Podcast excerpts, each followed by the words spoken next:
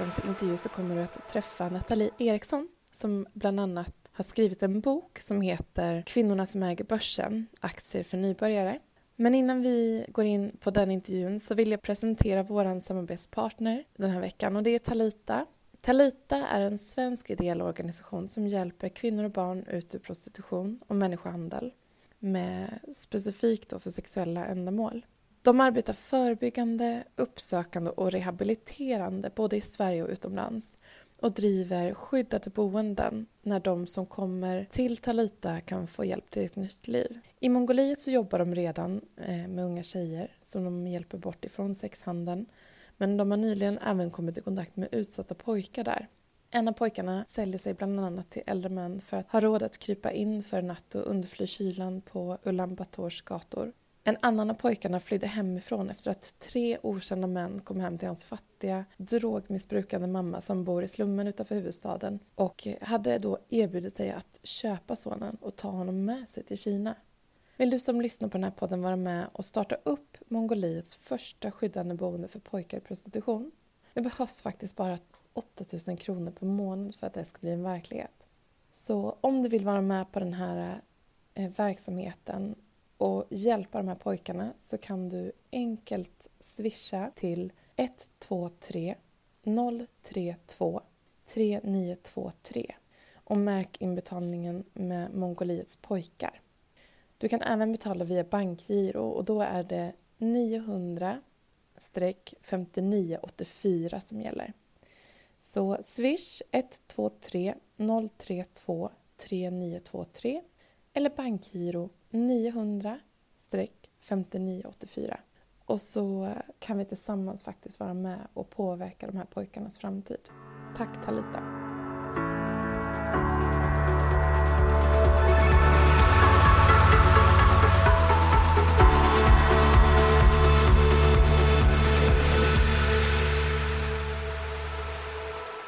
Det här är eh, ett av dina första möten som du har gjort nu i karantänen. Jag har ju ändå spelat in lite poddar och sådär.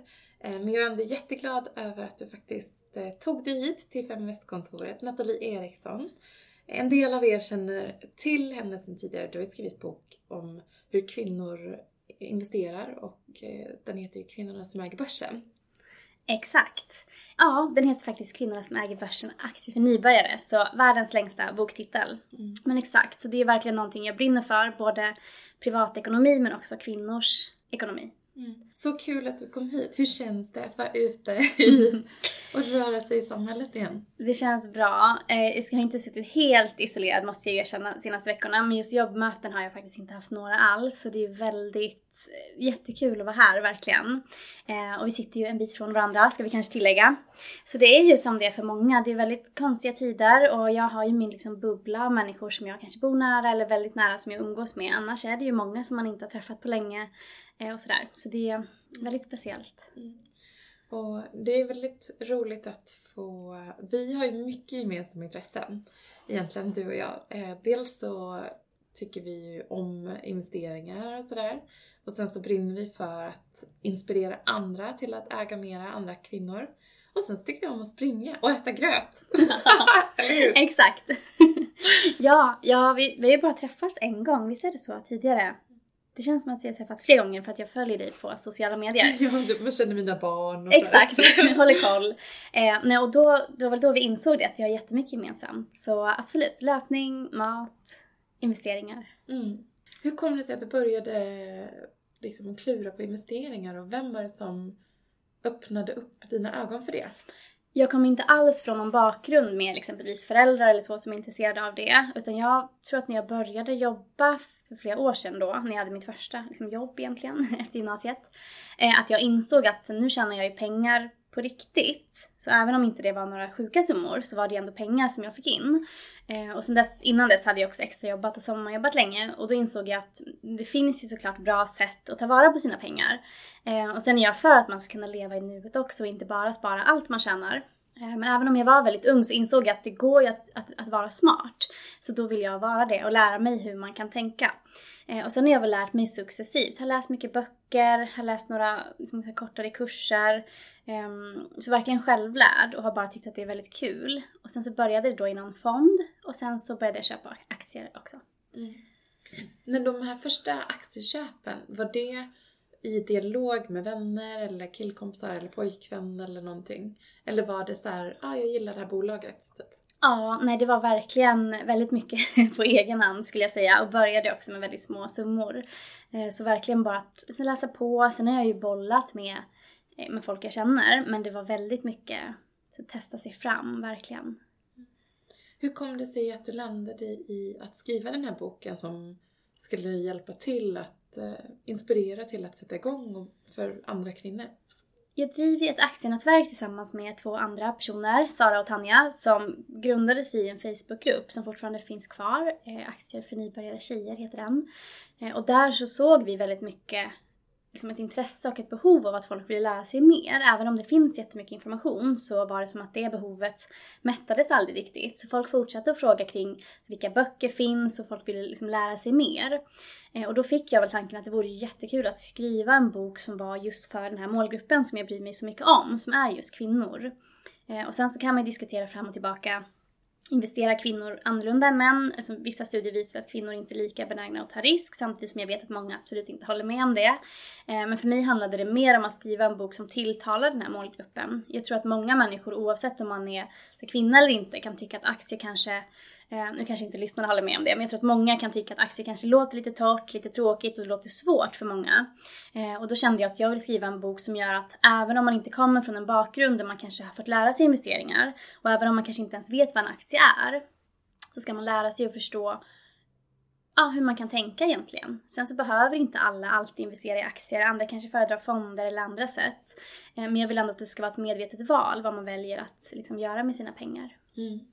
Eh, jag började själv investera också på eget bevåg egentligen och ingen i min familj investerade eh, när jag började. Jag började i, i maj 2008. Mm. och då så kändes det som att det var helt fel timing att kliva in i en dyr marknad för att det vart ju en krasch några månader senare. Men nu så tycker jag att det var en ganska bra timing mm. eh, utifrån att ganska snabbt så vart ju marknaden mycket mer prisvärd för mig. Eh, och så fick jag också lära mig börskrasch, vad det innebär och hur människor reagerar och mm. sådär. Eh, hur, eh, var du med i 2008 eller följde du det på något sätt? Ehm, jag var inte med och hade inga pengar investerat då. Sen minns jag det jätteväl.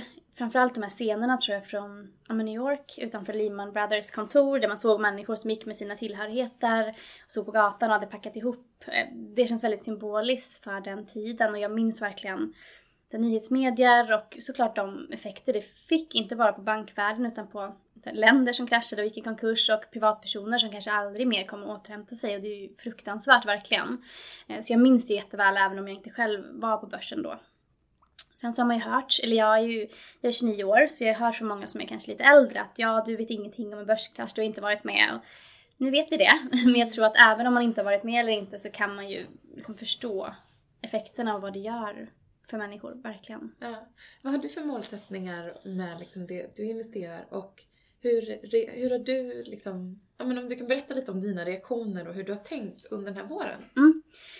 Um, man kan väl säga att om man, om man ser till min privatekonomi så har väl jag haft, om man får säga så, kanske lite bra timing ändå. Ehm, jag kommer förmodligen flytta i år, det är inte riktigt bestämt än. Ehm, jag bor i Hornstull nu och kommer förmodligen bo kvar där men i en annan lägenhet. Så om det blir så så kommer det gå en del pengar dit. Ehm, jag håller på att starta ett till företag som jag kommer åter eller investera en del i. Ehm, jag hade också tänkt göra en lite onoterade investeringar det här året som jag nu tror att jag får skjuta lite på.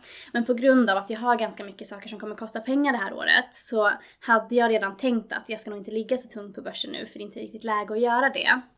Eh, så därför hade jag sålt av en del, vilket väl gjorde att den här kraschen just för, person, liksom för mig personligen kanske inte slog så hårt som den hade gjort om det hade varit lite tidigare. Ehm, sen så är jag ganska, jag tar inte så jättestora risker, både vad gäller liksom olika typer av innehav och hur mycket pengar jag lägger på börsen, även om jag tycker att det är jättekul. Jätte så jag har väl ändå kunnat liksom, sova gott om nätterna för egen del eh, utifrån det som har hänt nu. Eh, sen så är, jag vet att många fortsätter att investera som vanligt och det tycker jag absolut att man kan tänka långsiktigt om det är det som man har som strategi.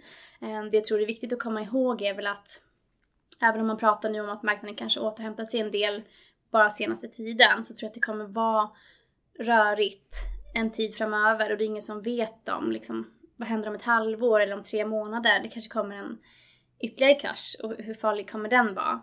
Så jag tror, ja, det ja, kommer precis. vara stuligt. Ja, för mm. det är ju inte... En vanlig börskrasch så att säga blir ju en, en reaktion av att eh, ja, men priset är för högt helt enkelt eh, och eh, det finns inte tillräckligt stor efterfrågan så det, mm. det börjar liksom det börjar falla eh, och folk drar ut sina pengar och så vidare. Medan här så har det, det varit ju på samma sätt. Efterfrågan sjönk väldigt mm. kraftigt eh, i och med viruset och marknaden står stilla och så vidare.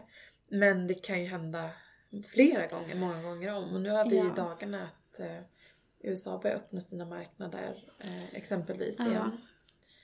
Jag tror också just för att det är, nu är jag ju ingen virusexpert, men om man pratar om, om liksom coronaviruset, eh, dels för att just den här typen av covid-19, att folk inte, eller fortfarande inte ens experterna vet exakt hur det kommer arta sig framåt. Jag menar vad händer om länder behöver gå in i en ännu hårdare lockdown? Vad händer om det kommer en andra eller tredje våg? Nu får man väl hoppas att den i så fall eh, är mildare än den här första. Men vad händer om de blir ännu värre? Vad händer när vaccinet är klart? Men vad händer om vaccinet kommer men inte funkar? Jag tror det finns ju så himla mycket saker som kan hända eh, som marknaden kan reagera på. Så jag tror att det är svårt att eh, det är svårt att ta höjd för allting som kan hända. Så det enda man kan vara säker på är väl att det kommer vara rörigt. Eh, så jag tror om det inte hade varit så att jag själv nu har mycket annat jag behöver investera i, då hade jag kunnat, eller då hade jag behövt ta ställning till till hur jag ska investera det här året. Just nu på grund av att jag har andra grejer jag behöver lägga mycket pengar på eh, och vill lägga pengar på eh, så har det kanske varit mer naturligt att, att snarare se över de innehav jag har och kanske inte gå in i så mycket nya bolag exempelvis. Mm. En del klurar ju runt liksom vilka vinnare som finns och det finns ju ändå en hel del bolag som... Mm. Vilket, var det något bolag som överraskade dig? Um, ja men bra fråga. Jag tror om man kikar på mina egna innehav så var det nog inget som jag blev jätteförvånad över. Jag har ju en, det är väldigt blandat, men jag har allt ifrån ICA-gruppen till Facebook som, som går ganska bra. Eh, eller framförallt håller sig stabilt och det var väl kanske inte jättekonstigt. Sen om man kollar till företag generellt. Eh, det som kanske förvånar är väl att hur snabbt det har gått för vissa. Jag menar när man pratar om exempelvis spelbolag eller videochatt den typen av företag. Eh, det hade man ju kanske sett komma, men hur fort det har gått för vissa, exempelvis Zoom som ju så många använder nu, eh, som verkligen har exploderat så pass mycket, så snabbt. Mm. Mm. Eh, det är många också som har pratat om det, att eh, de amerikanska siffrorna om arbetslöshet som stiger och, eh, och så ändå inte tas emot av marknaden. Marknaden reagerar inte så negativt. Visst, man har reagerat lite negativt mm. mot mot dialogen som, och den tuffare retoriken som Trump har haft mot, mot Kina nu i det mm. sista. Men eh, att, eh, och det är, det är ju ofta, är mycket till del av att eh, riksbanker går in i väldigt ja. stor utsträckning just nu. Verkligen. Eh, och jag tycker man kan se det på andra håll också. Nyheter som har kommit som jag hade trott att börsen skulle reagera lite hårdare på. Men det är lite så, nej men det, det fick inte så, stor, så, så stora svallvågor ändå. Eh, sen får man ju se om det blir någon eftersläpning, att liksom, det finns en gräns till att så hårt kan man pusha utan att folk verkligen reagerar hårdare. Eh, men ja, det, jag tycker också att det är intressant och jag har funderat mycket på det.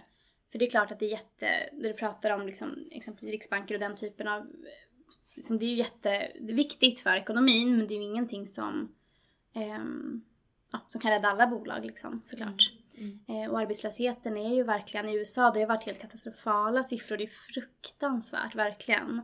Eh, och även i Sverige. Eh, jag vet inte nu, men jag tror det senaste jag hörde om var väl en, och det här är ju också bara spekulationer, men jag tror det senaste jag hörde var att det siades om att Sverige skulle ha en arbetslöshet på 14% i höst.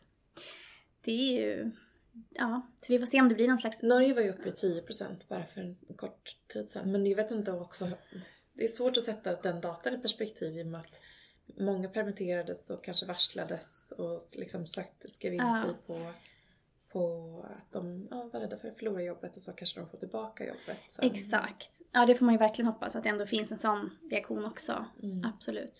För det man såg ändå av rapporterna från Q1, från både industribolag Mm. och, och många andra, att det var, effekten slog ju inte så hårt mot som man kanske hade tänkt. Eh, men däremot så förväntar man sig att mycket kommer synas i Q2. Ja, jag tror det också. Jag, jag tror verkligen det. Och, och där tror jag också inte att det är bara de här bolagen som man kanske väntar sig, utan det här är något som verkligen slår hårt på alla fronter. Så det, det tror jag tyvärr att man kan skrev- vänta sig. Ja, jag tror att någon, någon skrev på typ Twitter så här. Hur kan Fortnox kurs rasa med 7-8% när ett virus har startat i Kina? För det var Ja. ganska tidigt så här, i Wuhan liksom. Och det är, det är så intressant hur börsen funkar. Man bara, ni har huvudkontor i Växjö, det är en Verkligen. digital produkt. Ja. hur hänger det här ihop? Ja. Det, ja. Väldigt kul sagt och kanske också en, var en tweet Mm. som inte åldrades så bra då. Men det, är ju, det var ju den informationen man hade då. Och det tycker jag är intressant också. För jag, jag försökte ändå följa nyheterna, liksom utländska nyheter innan det här kom till Sverige. Och jag ska inte sitta och säga att jag såg det här komma, för det var ju ingen som visste såklart. Även om det alltid har funnits från politiskt håll eh, spekulationer om att det skulle kunna uppstå den här typen av pandemier eh, igen. Ehm, men ja, men jag tror ändå att Vissa personer var kanske lite mer tidiga med att tro att det skulle bli allvar, men jag tror att ingen hade riktigt sett att, eller jag vet inte, kanske från politiskt håll, men jag tror gemene man hade nog ganska svårt att se att det skulle bli så som det har blivit nu eftersom att det inte har hänt tidigare. Mm. Och samtidigt så, jag tycker det är väldigt intressant, för det här, jag tror att det här blir en oerhört tuff period för många småbolag. Och du är ju själv företagare, hur har det här drabbat dig så? Mm. Jag vet inte om det här var i februari eller om det var precis i början av mars. Men jag vaknade imorgon med mobilen i handen. Jag brukar absolut inte sova med mobilen i sängen, även om den brukar ligga precis bredvid.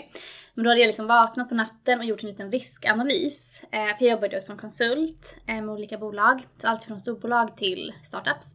Eh, då hade jag liksom spaltat upp, jag måste ju ha varit vaken, men det var väl lite halvt i sömnen då, spaltat upp alla bolagen och sen försökt bedöma på någon liten så här, riskskala hur, hur troligt det var att de skulle så, här, avsluta sina samarbeten eller få väldigt liksom, kris internt. Och sen försökte räkna ut vad jag skulle göra om det här skulle ske och sen så hade jag liksom somnat om. Eh, så jag tror att jag kände mig inte så orolig för egen del men någonstans i bakhuvudet så låg väl det här ändå att är man egen företagare så är man ju alltid ytterst ansvarig för vad som händer och då behöver man inte, eller då kan man inte lyssna på andra människor som säger att nej men det här kommer nog inte nå Sverige och det här är ingenting du behöver oroa dig för. För att om det händer så måste man ha tänkt två steg före och ha koll. Ehm, sen så har jag haft så himla tur, verkligen. Jag är ganska bredd av företag jag jobbar med. Alltifrån eh, företag inom ekonomi eh, och finans till till inredningsprodukter, allt möjligt verkligen. Eh, som jag då hjälper med eh, marknadsföring. Eh, ja, och jag har, jag har haft en liten kund som tyvärr har det väldigt krisigt. Så där har vi fått prata mycket affärsutveckling snarare än kommunikation. Och just nu så har de faktiskt börjat pausa allting för att bara försöka samla sig internt. Eh, och det är jobbigt att se såklart, folk som man jobbar med och har jobbat med länge och bryr sig om. Eh, men annars har det faktiskt flutit på väldigt bra, så det är ju det är mycket tur. Och det är jag jättetacksam för såklart. Mm. Ja men vad skönt att höra. Och sen kan jag också tycka att, för vi representerar ändå en yngre generation, vi är Mm. runt 30-årsåldern bägge två. Mm. Eh, Och för många av oss så kanske man inte upplever att hotet om det här viruset, att det ska drabba oss. Nej. Utan det är i så fall ja, men släktingar eller vänners föräldrar och så vidare som man Mm. liksom har tänkt på. Så jag tänk, för de som, den, eller den personen egentligen som har varit närmast som jag har liksom fått veta, det är ju eh, i ålder eller så, det är ju Adam Alsing. Ja. ja, det var ju något som jag tror verkligen var en ögonöppnare för många. Framförallt de som kanske inte riktigt tog det här på allvar. Att man fick se ett ansikte och någon som många tycker väldigt mycket om. Det var ju verkligen tragiskt. Och där tycker jag verkligen som du är inne på att jag är väl heller kanske inte jätteorolig för egen del. Även om det finns unga som har avlidit och även om jag inte heller har lust att ligga liksom däckad i fyra veckor och må dåligt. Eh, men där tycker jag verkligen att man bara får skärpa sig då och se till de riskgrupper som finns och de människor som faktiskt kan eller ligger i riskzonen för att råka illa ut. Så jag, ja, nej, men jag tar det verkligen på jätteallvar. Det, absolut. Eh, Men jag kan tänka mig att du får väldigt mycket frågor ändå eh, liksom till hur man ska agera. Vad är den vanligaste frågan du har fått ja, men under den här perioden? Mm. Om man ser till börsen så är det ju just om folk alltså folk som frågar hur ska jag, ska jag fortsätta med min vanliga strategi? Många som månadssparar och som är osäkra på om de ska fortsätta med det. Eh, och där tycker jag att det är ju alltid lätt när man är inne i en kris att bli rädd, få panik, man kanske säljer av och sen ångrar man det i efterhand. Så jag vill absolut inte uppmuntra folk att sluta spara eller investera på grund av att det är oroliga tider. Eh, däremot så behöver man vara medveten om att det är väldigt eh, kaotiska tider och det kommer ju fortsätta vara det. Eh, så för min del exempelvis hade det kanske inte varit smart att börja investera mer än vad jag brukar eh, det här året. Men, men om man verkligen känner att man, man, ja, man har en strategi som är långsiktig, då tycker jag verkligen att man ska göra det. Men att man är med på att det kommer, det kommer gå upp och ner och det finns risker för att det kommer dippar som är minst lika djupa som de som har varit nu. Eh, det är ju ingenting jag vet, men det finns ju en risk för det såklart. Mm. Mm. Jag vet också att det är många som har tittat efter dels eh, liksom läkemedelsbolag eller så som eventuellt skulle kunna få ett vaccin mm. eh, godkänt och distribuerat på kort tid och att man bettar. Det finns en hel del bolag där som har gått upp ganska mycket och det är också en, en risk för det är ju alla bolag kommer inte lyckas. Nej. Så. Eh. Verkligen, och där skulle jag nog säga att det är klart man, man kan ha tur som småsparare också, men om man är en person som kanske inte tidigare har koll på exempelvis, jag har själv inga läkemedelsbolag i min eh, portfölj eller liksom vaccinbolag. Ehm, eh, jag skulle verkligen göra min research där, för det är lätt att tänka att ja men vaccin är det som vi nu alla är ute efter, då kommer det gå bra. Men det är fortfarande Eh, kanske lite mer komplex än så. Men såklart, gör man sin research riktigt bra så kan ju det verkligen eh, slå rätt. För min del så har jag ju mer kanske intresse och mer koll på exempelvis techbolag. Eh, just också för att det är ett intresse och för att jag jobbar mycket med just eh, digital kommunikation. Eh, så för mig kollar jag kanske mer åt det hållet, eh, just för att följa företag. Eh, jag har inte Fortnox själv, men jag tror att de har gått väldigt bra mm. senaste tiden. Ja, de har gått eh, och det kan man ju tänka sig. Jag har ändå. köpt och sålt dem lite mm. Mm, själv faktiskt. Ja, spännande. Jo, men de har gått väldigt bra. Ja, kul. Mm. Ja, så för egen del så försöker jag nog absolut att man, som sagt nu ligger jag lite, lite lågt, men annars försöker hålla mig lite till den strategi jag haft sen innan och den typen av innehav som jag kollat på innan. Eh, men med det sagt att såklart man kan se nya möjligheter nu också. Ehm, sen blir det ju väldigt intressant att se på sikt, eh, både de bolag som kanske inte går så jättebra nu, eh, vad händer sen så fort vi kan röra oss ute igen? Kommer de då komma upp till normala nivåer eller kommer det till och med bli lite mer eh, i försäljning, exempelvis då för att folk kanske har ett behov av att konsumera som man nu har fått lägga åt sidan. Eh, men också åt andra hållet tänker jag de bolag som går riktigt bra nu, exempelvis om vi tar Zoom igen, så vad händer med dem? Kommer, det är klart de har fått mycket nya kunder nu, men hur många av dem kommer finnas kvar på sikt? Så det blir väldigt intressant att följa. Vi hörde för övrigt det här med att de var tvungna att stoppa handeln i USA mot just Zoom, bolag, bolaget Zoom. Um, för att väldigt många blandade ihop bolaget Zoom med ett annat företag som heter likadant. Så det var väldigt många som helt plötsligt gick in och köpte aktier i fel bolag. Ja, ja, ja väldigt chock för dem säkert. Ja, mm. ja vad roligt. Mm. Eller ja. dråpligt ja. i alla fall. Nu ska vi säga. Men eh, jag, jag själv är ju så, alltså jag från att så här, tvinga mig själv till att spara lite varje månad så har jag blivit så att jag, så här, jag vill lägga undan mer ja. hela tiden. Eh, och liksom, ju längre månaden går desto mer och desto mer jag ser att jag har kvar att föra över desto liksom, lyckligare blir jag. Att såhär, åh, då kan jag spara över ytterligare mm. till liksom, min ISK eller så. Eh, men hur tänker du? Liksom? Nu kanske du inte månadssparar i och med att du har andra åtaganden som, som mm. kräver lite kapital. Men, mm. Jag har ju alltid, eller alltid, det har jag inte alls, men jag har ofta, alltid tidigare månadssparat. Eh, just för att jag tycker att det är smart, jag tycker att det är men rimligt i den mån man kan. Sen har ju alla olika förutsättningar. Men jag känner verkligen igen mig i den känslan av att men gud, nu har jag verkligen sparat det här. Och att man till och med inte kanske hade tänkt spara ytterligare men att man då går in och putsar över lite pengar. Så oavsett om det är så 1000 kronor eller 50 kronor. Eh, att det är väldigt tillfredsställande. Eh, sen så har jag, eftersom att jag driver företag på SIK så får ju jag, alltså företaget får ju in en viss summa då varje månad. Eh, och jag tar ut en ganska låg lön i förhållande till den omsättning jag har. Så därför ser jag det lite som att den lön jag tar ut eh, har jag lite att röra mig med. Så att mycket av mitt sparande är ju i företaget och då får de ligga där egentligen. Så det är väl liksom, å ena sidan är det en smart strategi för då sparar jag ju alltid ändå.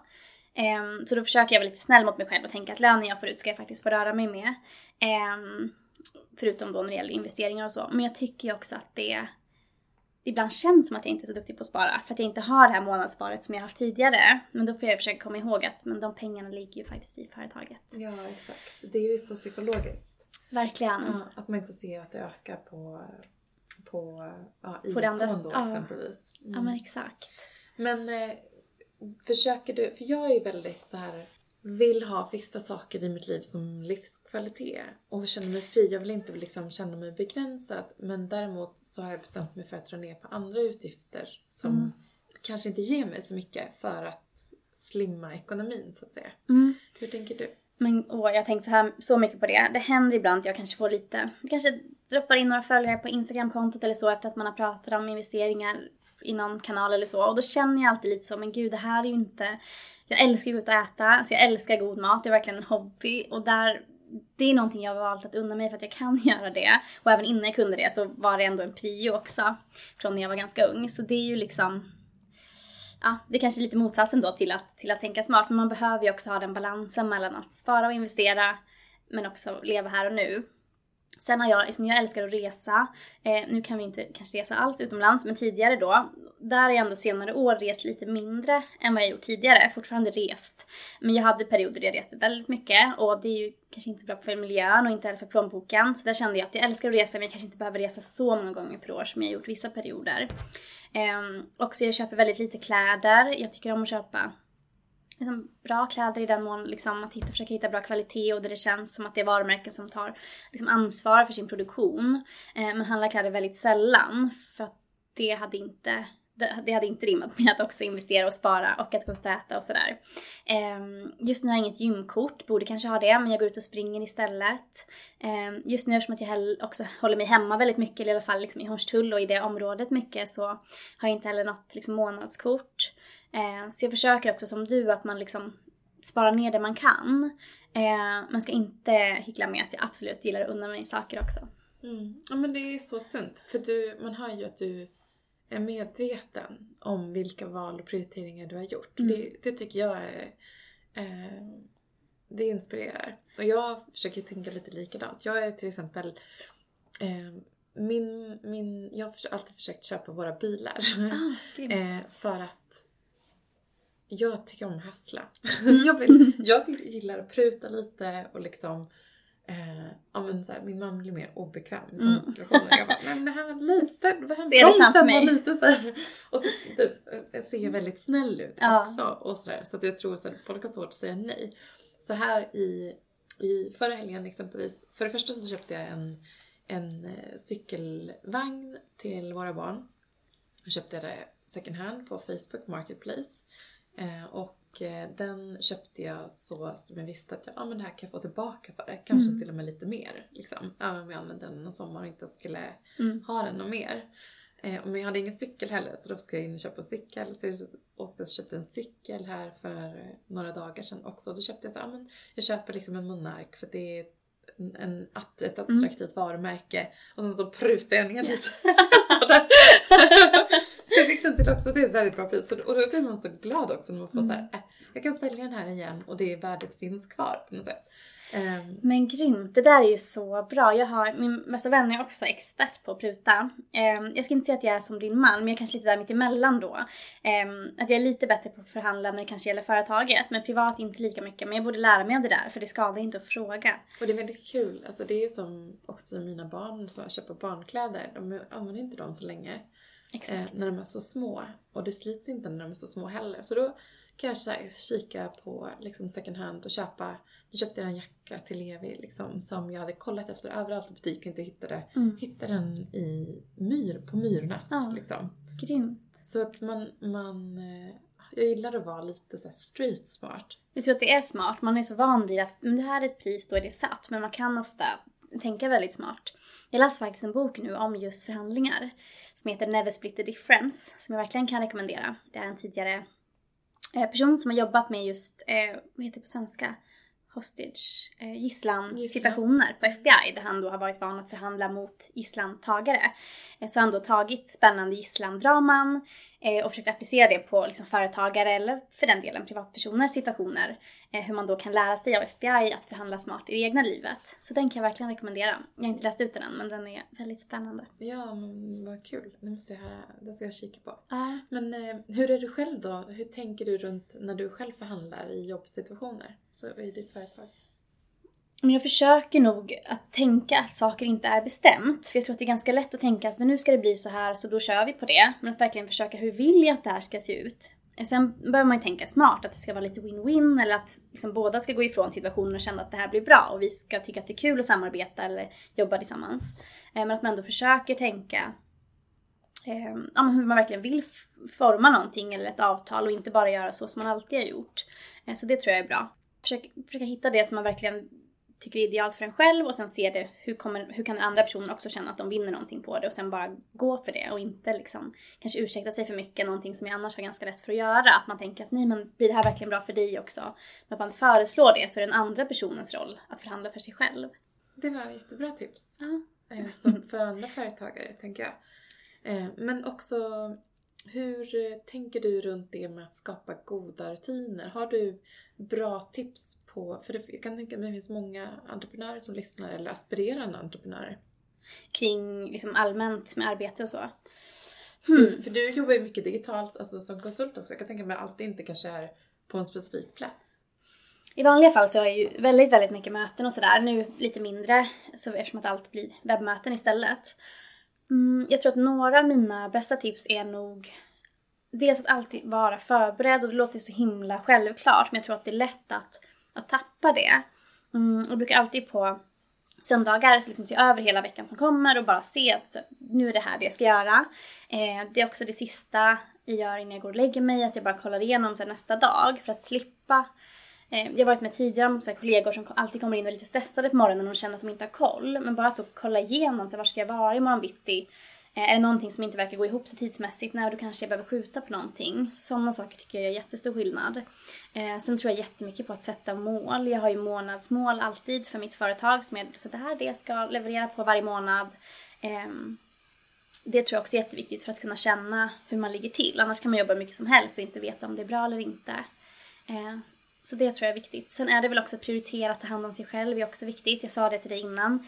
Eh, jag borde ta en liten semester nu så jag ska försöka få in um, kanske en långhelg eller så nu bara. För jag har inte varit jätteduktig på att vara ledig de långhelger som har varit precis.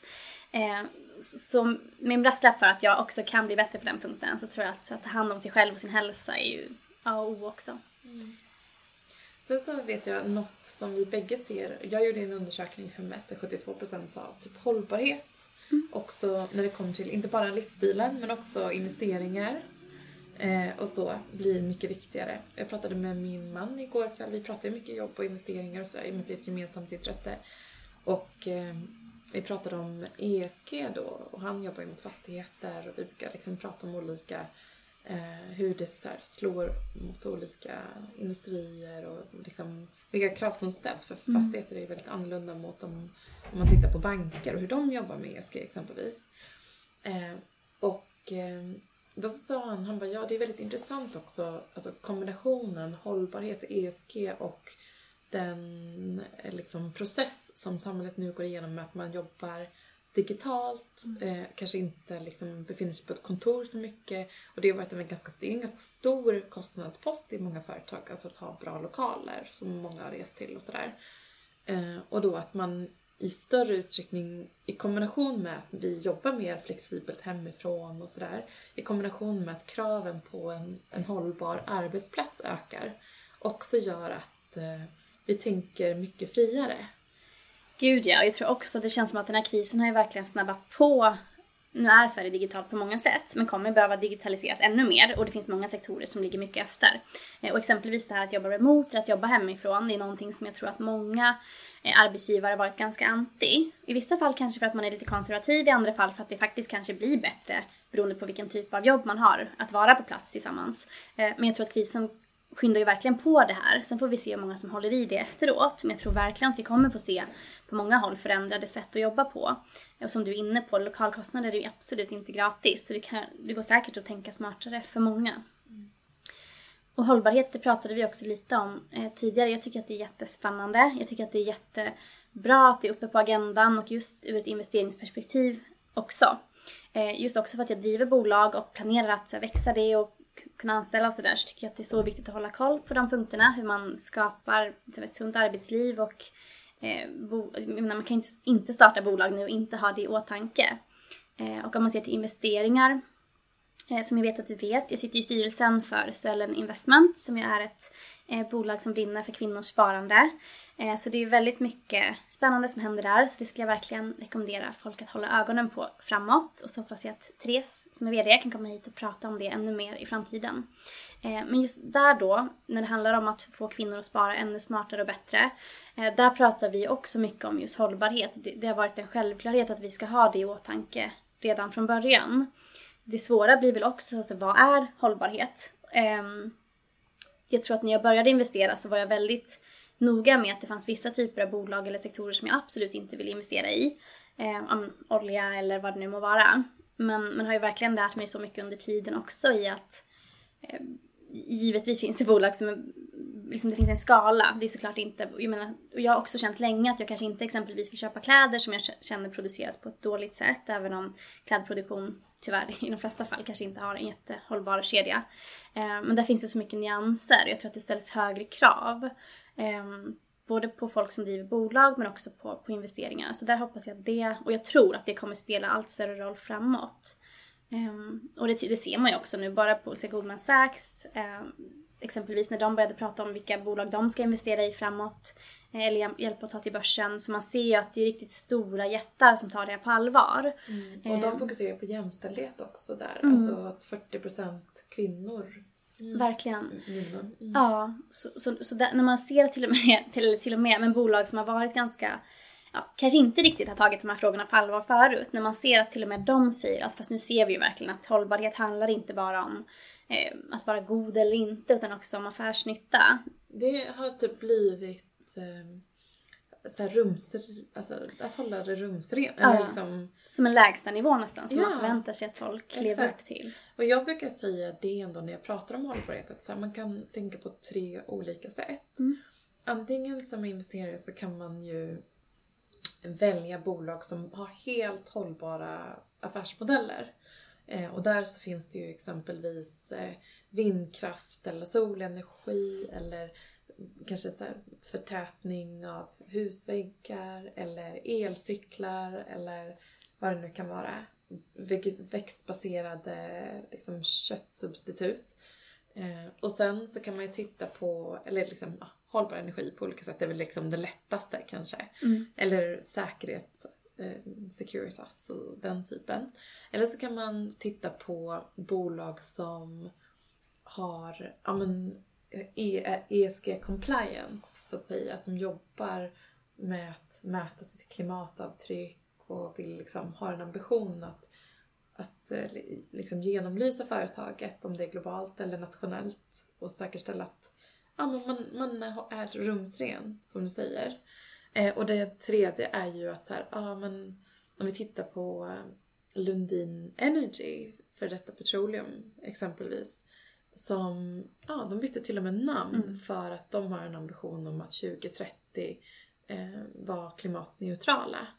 Men de jobbar med olja i dagsläget och fossila bränslen. Så att, att liksom, man får själv bestämma sig vil, om, man, vilken typ av aktivist man vill vara. Yeah. Eh, jag vet att Svanen-märkta fonder exempelvis, de har ju dels att de, man ska ha vissa krav på att Eh, jobba med hållbarhet idag. Men också att de vill vara lite aktivister och jobb, mm. hjälpa bolagen att så här, följa upp den där ambitionen som de uttrycker. Så, ja, men vi ska, Spännande. Ja, ja. Så man kan ju tänka på lite olika sätt så. Men jag håller med och det ställer ju också krav, jag menar de företag som på riktigt vill vara utmanare och ligga i framkant eh, och även privatpersoner. Det ställer ytterligare krav på dem nu när liksom gemene man eller bolag helt plötsligt har en lägstanivå som är ganska hög. Om man då vill pusha de här frågorna ytterligare, det finns ju hur mycket som helst som man kan ta i beaktning, vilket jag tycker är jätteintressant, verkligen.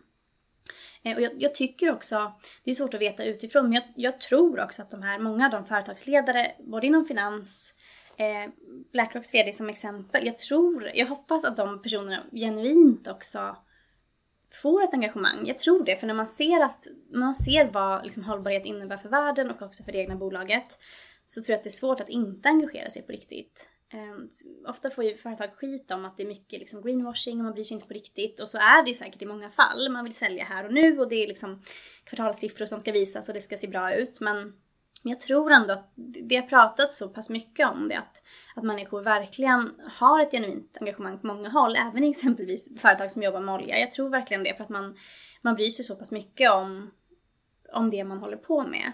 Eh, sen såklart det finns en risk med att, så tyvärr, att det kommer en backlash. Eh, kanske nu exempelvis med krisen så får man ju ändå hoppas att, att man inte drar in budgeterna som var till för hållbarhet bara för att det går dåligt exempelvis. Men det finns ju alltid risker med det också.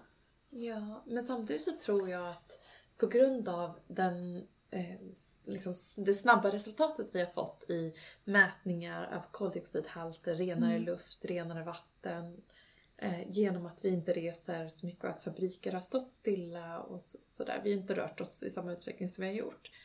Ändå gör att de kraven kanske ökar ytterligare lite. Att man såhär, ja men för förut så har det kanske känts så abstrakt att så här, ja vi jobbar mot det här målet men vi kan inte sluta göra det här, vi kan inte sluta göra det här.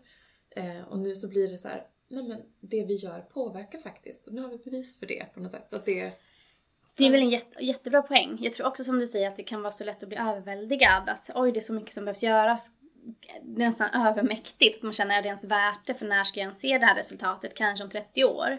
Eh, men som du säger nu, det räckte med att vi liksom hade lockdown i många länder ett, ett, tag, men inte så pass länge om man ändå sätter det liksom. Ehm, och då kunde se väldigt stor skillnad. Så det har du nog rätt i. Absolut. Mm. Men det som eh, jag tror blir en stor utmaning, det är ju, för nu som sagt, det satsas ju jättemycket, det görs ju jättemycket liksom expansiva mm. Eh, köp från som riksbanker som vi nämnde nu. Och det är ju det som gör att kurserna hålls uppe och det är statsobligationer. Vi ser ju att en tendens att priserna på bostäder faller exempelvis mm. nu i, i Sverige. Det, är inte, det finns för lite data än så länge men ändå. Eh, och eh, så det blir väldigt intressant att se hur med en andra våg eller en tredje våg, hur men, eh, Grekland, Italien, Spanien, länder som är oerhört skuldsatta som inte får den turismen som de hade räknat med för en stor del av befolkningen. Jag håller med. Det, det är fruktansvärt. Både som du säger, länder som har haft problem tidigare, också där arbetsmarknaden kanske många, inte bara att man inte har det sociala skyddsnätet, i många fall har folk inte en liksom, fast anställning på samma sätt som man har liksom, i Sverige. Så jag tror att det, de ligger ju väldigt risigt till. Och det är det som också är väldigt intressant, fascinerande, skrämmande att det kan ta så himla många olika vägar nu beroende på hur det utvecklar sig framåt. Kommer en andra våg som är lite mildare, ja då kanske man kan se både liksom hur marknaden reagerar men också påverkan på faktiskt människor. Att det hade vi ändå tagit höjd för, men vad händer om det kommer en tredje våg som är ännu tuffare än vad vi hade trott? Nu hoppas jag inte att det sker och jag vill inte liksom skrämma upp någon men, men det får man ändå ha i åtanke att det kan hända förstås.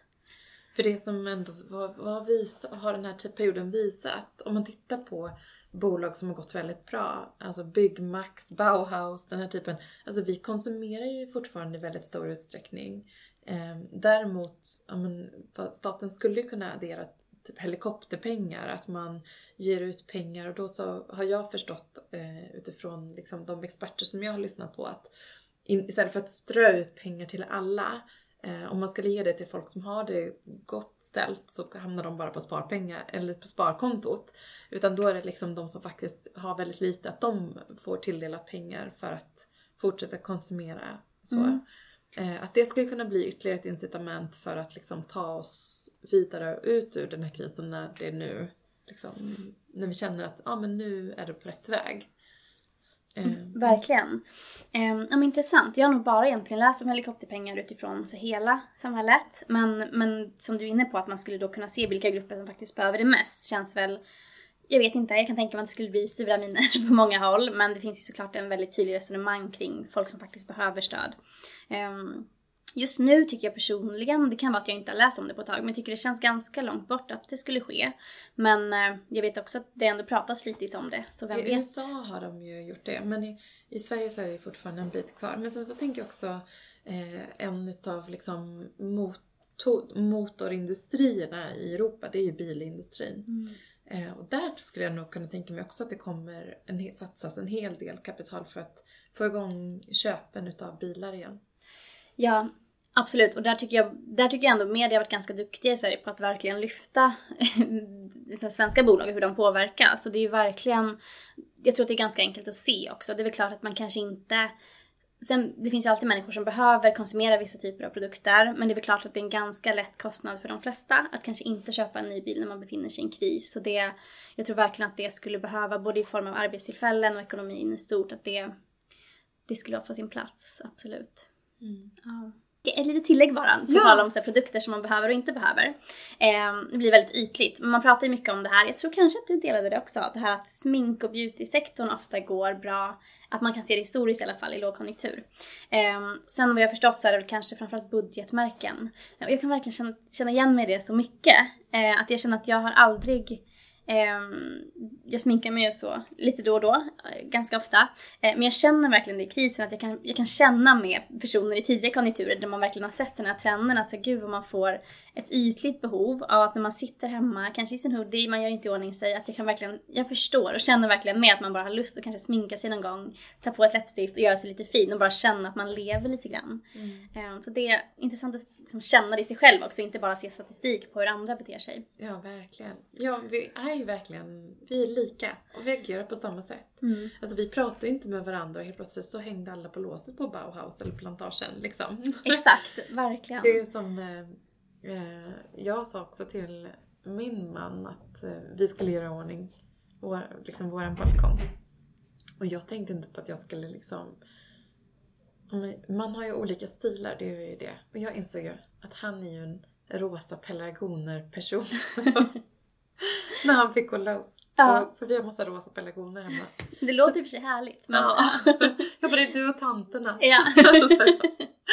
men jag tror att, att eh, eh, ja, vi pratade inte med någon annan om att vi skulle åka och köpa blommor till våran balkong. Liksom. Nu så är absolut det är vår och man, det är naturligt i tiden. Men eh, han sa ju att det var extremt mycket folk där. Mm. Eh, och eh, jag vet flera som har sagt att de har varit på IKEA exempelvis. Eh, och att det har varit så otroligt mycket folk. Så att eh, eh, vi beter oss likadant. Nästan som att balkongen, om man har det, har ersatt att åka utomlands. Alltså förstår du? Att vi kan inte åka utomlands nu. Man kanske inte heller håller på att ska resa så mycket då inom Sverige. Nej, men då om man har en balkong, då är det ju där man spenderar väldigt mycket tid. Um, så vill man ju verkligen att det ska vara fint där. Det kan jag, mm, jag måste också styra upp min balkong. Ja. men du, tusen tack för att du var med. Tack eh, själv. Och delade både tankar runt entreprenörskap och eh, investeringar och den här perioden som har varit. Så, så blir det spännande att följa utvecklingen nu framåt. Det som jag tycker ändå när man har varit igenom en kris eh, och för då, i 2008 så kommer jag ihåg att jag fick verkligen som tugg i magen att så här, men gud det har gått ner så mycket. Eh, men den här gången så har det, det berör mig inte så mycket Nej. att mitt innehav är rött liksom.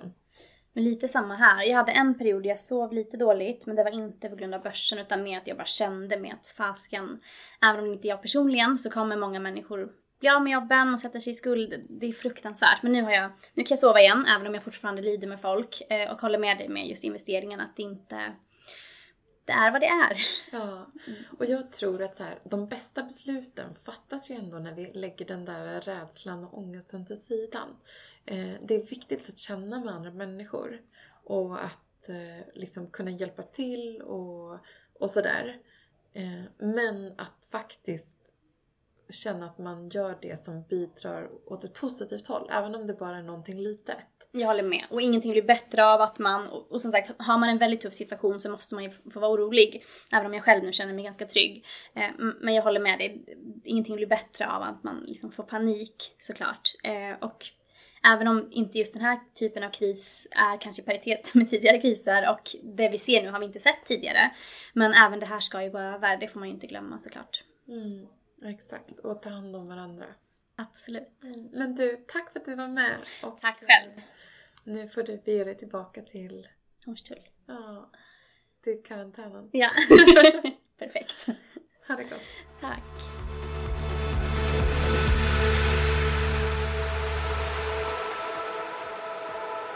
Feminvest är Sveriges största investeringsnätverk för tjejer. Vi vill att allt fler ska våga äga och förvalta. Och hur gör vi då detta? Jo, vi vill inspirera, utbilda och utmana runt ägande, investeringar och entreprenörskap. Följ Feminvest på våra kanaler Facebook, Instagram, Youtube.